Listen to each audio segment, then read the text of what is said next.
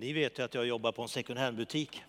Jag tänkte att jag kan ju passa på att eh, säga någonting så att ni vet att jag kommer därifrån. Nej, det var så här, en dag när jag står i kassan så, så kommer det en person fram till kassan och har en överfull korg med sig. Och jag, jag blev stående och pratade med, med den här kunden lite grann och så, så helt plötsligt så, så jag tänkte att det var roligt att du handlar så mycket. Du har verkligen hittat många olika saker som är trevligt. Ja, sa den här personen och så, så kommer den där kommentaren. Alltså jag tänkte inte handla så mycket. Men tanken utvecklade sig. Jag vet inte om du har varit med om det i någon affär någon gång förut? Att du har tänkt att jag ska inte handla så här mycket. Men så när du kommer därifrån så har du hela korgen full med massa tankar. Nej, eh, varor. Eh, jag tänkte jag skulle vilja ta med dig in i en text idag som handlar om förnyelsen av dina tankar. Förnyelsen av våra tankar. Jag följer med mig till Romarbrevet 12, det första, 12 eh, eh, Romarbrevet 12, den första versen. Och jag väljer att läsa den ur eh, år 2000. Det har att göra med lite ordval. Lyssna får ni höra. Den kommer också i text där. Ja. Därför ber jag er bröder vid Guds barmhärtighet att frambära er själva som ett levande och heligt offer som behagar Gud. Det skall vara er andliga gudstjänst.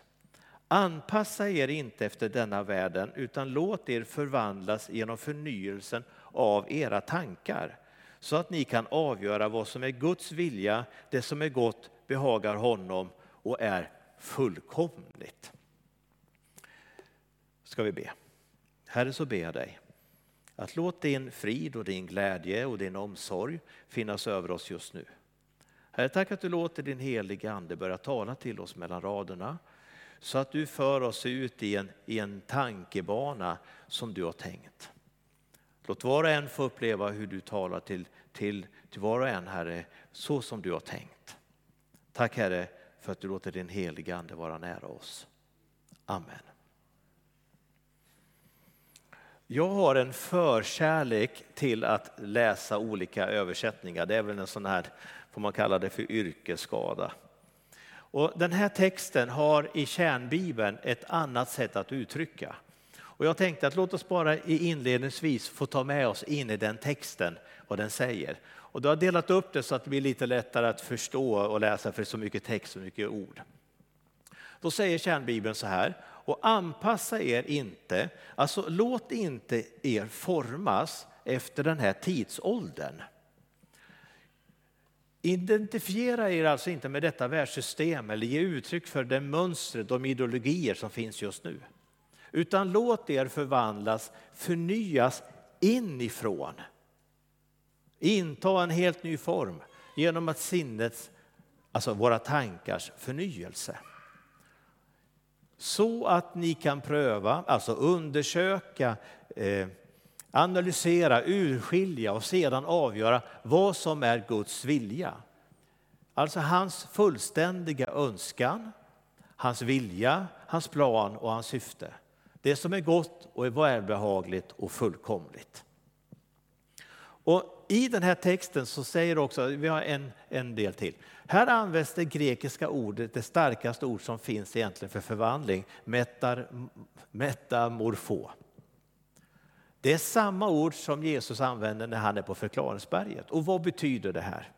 Jo, det är så att eh, det är det bästa och starkaste inom biologin där ett, en fjäril kommer till.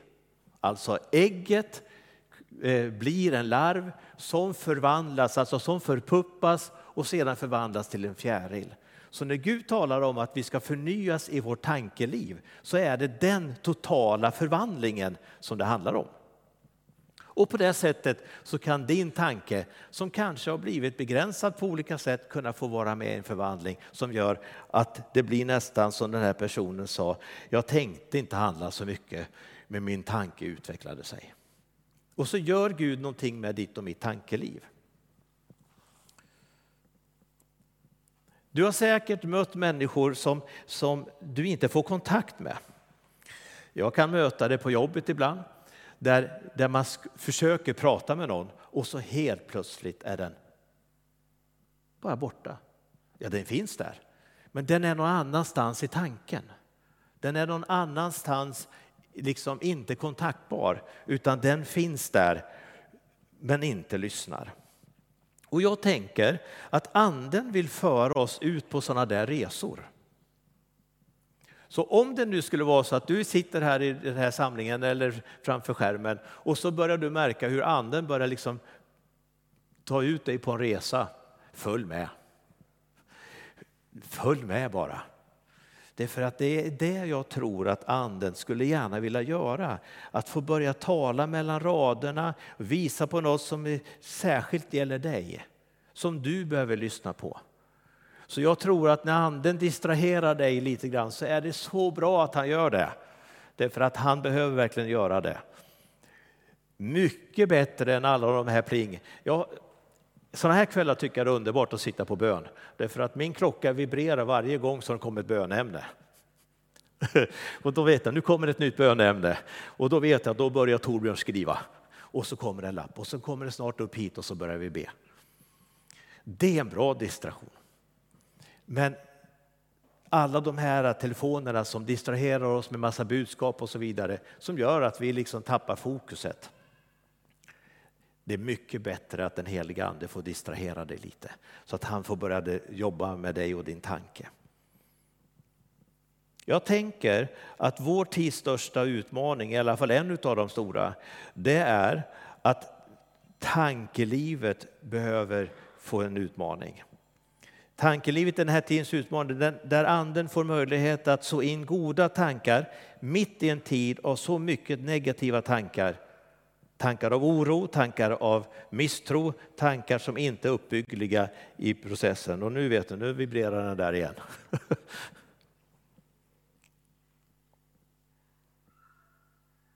Jag tänker att tankelivets olika processer, den, den, det händer någonting i tankelivet hela tiden. Jag skrev till en liten sak när jag satt här nere och, och väntade på att få komma, komma till. Liksom. Jag tänkte att tankelivet, det är det tysta, dolda livet som vi har. Alltså, jag vet ju inte vad ni tänker. Ibland så kan vi tro att den som ser mest ut att må välbefinnande kanske har de mest jobbiga tankarna. Tankelivet liksom är där och jobbar med oss. Vi kan sitta där i gudstjänsten, eller i samlingen eller hemma och det är tankelivet som jobbar med oss. Och jag tänker att det finns en utmaning i att Gud får röra vårt tankeliv så att det liksom håller ihop sig, för det kan verkligen förbrylla oss. Och då kanske det behövs som den här fjärilen som förvandlas ifrån ägget, larven, puppan och kommer ut i en vacker fjäril. Det kanske vårt tankeliv behöver få gå igenom. Nu är det här ämnet det är så långt och det är så brett, men jag tänkte att jag skulle ta med bara lite kort den här kvällen omkring tankelivet. När tanken drar iväg.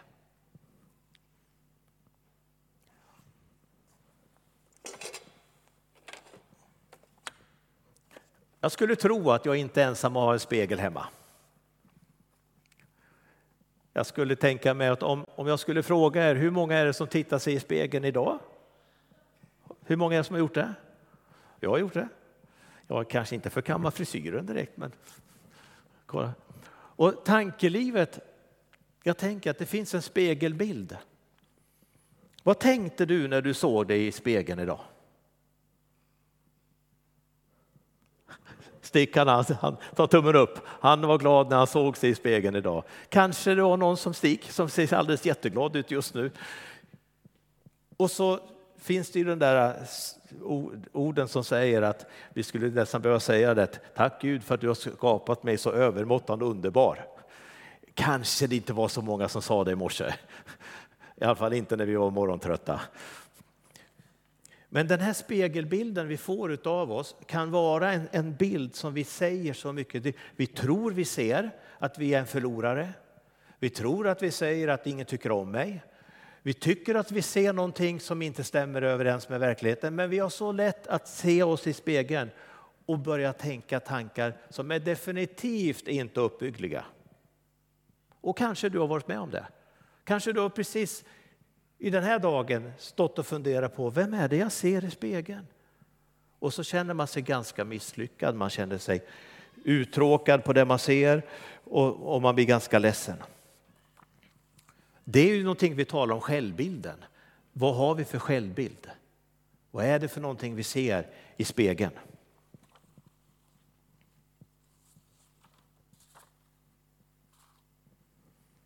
Ibland säger vi så här om oss själva, du är bara fel. Du är inte lyckad. Eller alla andra är bättre än mig. Vad föder det?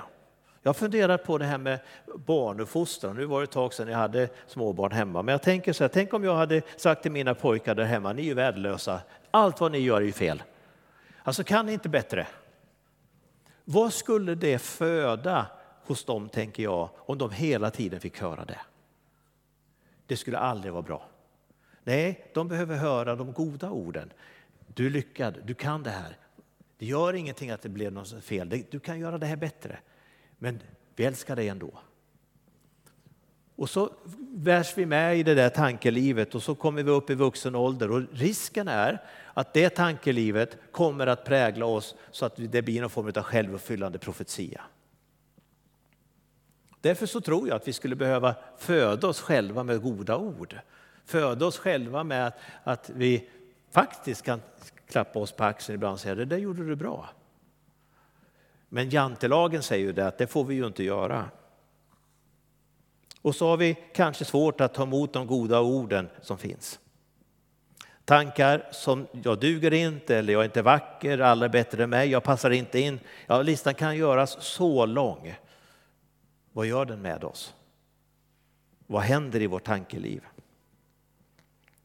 Och vi vänder på den kultingen och så tänker vi så här att vi, vi säger istället precis tvärtom. Vi talar om de positiva tillropen i våra liv. Vad händer med ett barn som ständigt får höra att den är bra, den är duktig? Det kommer föda någonting gott i livet. Så där tänker jag att vi behöver verkligen få förnyelse i vårt tankeliv. Jag tror att Gud kan ändra det så att vi får tänka goda tankar. En annan bit jag tänker på det är att tankelivet kan föra oss bort eller föra oss ut på en resa. Hemma när jag sitter och kanske har något speciellt för mig och så helt plötsligt får jag för mig att det där med kaffe är ganska gott. Då vet ni vad som händer hemma i min lägenhet. Alltså det dröjer ju inte länge förrän jag går och sätter på kaffet. Det bara, det bara blir så. Och ni som känner mig väl, ni vet ju att det där kaffet det, det finns ju egentligen hela tiden. Tankelivet kan också föra sig iväg på sånt som vi inte vill göra. Tankelivet kan föras ut i, i till och med i synd om, om det är så. Tankelivet kan föra vår väg vilse i livet. Så det dolda livet som är liksom det som inte syns kan föra oss ut på en resa som inte är så bra. Det finns en, en text i Romarbrevet 12 och 3 som till och med talar om hur vi tänker om oss själva. Nu är den här inte så vanligt att vi gör det, men lyssna får du höra. Ha inte högre tankar om er själva än ni bör tänka, utan tänk förståndigt efter en mått av tro som Gud har tilldelat var och en. Det är inte så där jättevanligt att vi som människor kanske tänker så höga tankar, men det, det händer ibland. Till och med det varnar Bibeln för att låt inte de tankarna få, få slå rot, får inte ta för stor plats. Det finns en, en tanke till som jag tror kan påverka oss ganska mycket och det är ensamhetstankar. Eh, man säger ju det, i, i vår värld, i vårt land, så är vi de absolut mest ensamma människorna som finns. Det finns så otroligt många ensamma människor i, i, vår, i vårt land. Som ska vi svara rent statistiskt sett många, många fler än, än eh, utöver världen. Och om de tankarna får slå rot i ditt och mitt liv så kommer det nog också säga det att vi är ensamma, ingen vill vara med mig och, jag, eh, och så drar man sig bort och så drar man sig undan. Och de här ensamhetstankarna tänker jag att de kan göra ganska destruktivt på oss själva. Ingen som bryr sig om mig. Eh, kanske har du varit på en konferens någon gång med, med större konferens än vad Ruta Kalle är på nu med 850 människor där uppe i Stockholm.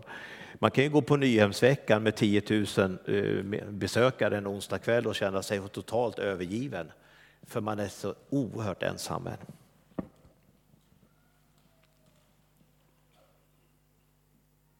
Och så glömmer man bort att Gud är allas vän. Man glömmer bort att Gud alltid är med. och Att han finns där. Kanske det är så att i vår församling och i församling överlag så behöver vi jobba med de här. Vi kan inte bara säga det, det är Guds egen, det är Guds sak. Han får ta hand om alla ensamma. Nej, det måste vi tillsammans ta ansvar för. Och jag tror vi kan bli mycket, mycket bättre där. Men Gud är den som faktiskt vill tala om för dig, du är inte ensam. Och jag satt och lyssnade på eh, Staffan Stadell. Vi, hade, vi jobbade med, med förbönstjänst och så vidare i församlingen. Och så, och så satt, hade Staffan Stadell en, en eh, en undervisning med oss och då sa han någonting som jag tror att vi kan bära med oss i de här ensamhetstankarna och det är att andas ut din ensamhet och andas in att jag är din. Alltså att jag är Guds barn. Andas ut att jag är ensam och andas in att jag är ditt barn Gud. Och jag tänker det är något som gör gott i vårt tankeliv. Du är inte övergiven. Du är inte det. Gud är med dig. Han går alltid med dig och lever tillsammans med dig. Och för att landa i de här tankarna och innan vi ska be igen så skulle jag vilja bara summera det och säga så här. Vad, vad, gör, vad gör jag när tänket drar iväg så att jag är på väg att gå vilse? Behöver mina tankar utvecklas och fördjupas i Guds syn på dig och på mig?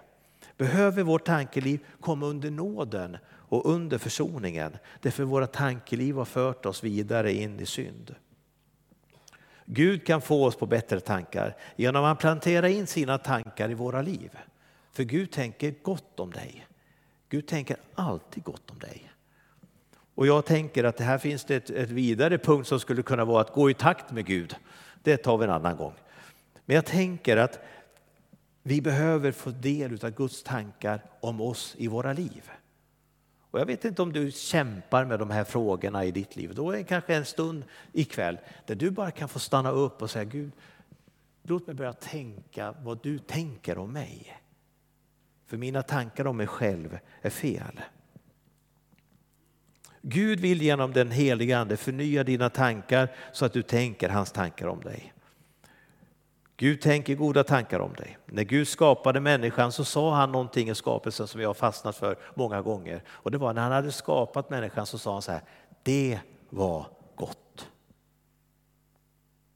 Och jag har en sån där barnsligt tro på att när Gud eh, skapade dig i din mammas moderliv, då sa han, det var gott. Det var gott. Och det behöver du ha med dig ut i livet. Han säger det var gott. Han säger också att han älskar dig.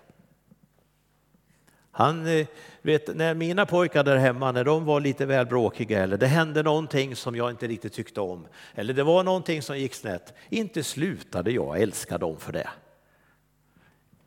Mina pojkar, det är de jag älskar högt. Och så är det med Gud också. Han älskar dig. Och sen kanske du sprang iväg och så gjorde du lite tok och så blev det lite fel och så blev det så här. Men du, han kommer aldrig sluta älska dig. Visst är det gott att veta det? Men spegelbilden som vi har, den kan säga, nej Gud älskar nog inte mig. Det blev så fel. Gud säger, ja rätta till det där, det går jättebra. Men du kommer ihåg, jag älskar dig. Jag älskar dig.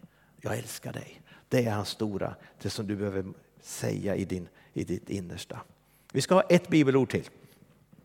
Eh, det ser lite konstigt ut där, men jag tänker så här, den här texten kan man säga på olika sätt. Jag vet väl vilka tankar jag har för er, säger Herren, nämligen fridens tankar och inte ofärdens, till att ge er ett framtid och ett hopp. Eller också säger han så här, jag vet väl vilka tankar jag har om dig. Du är ju mitt barn. Eller, jag vet väl vilka tankar jag har om dig. För jag har tänkt att du ska få vara den och den och göra si och så. Jag vet väl, jag har tänkt på det, jag har funderat på det, så jag vet. Det tänker jag när jag ser den versen. Han vet väl vilka tankar han har om dig. Han har fridens tankar, inte ofärdens. Han vill ge dig en framtid och ett hopp. Varför då? Jo, han älskar dig. Han, du är ju hans älskade barn.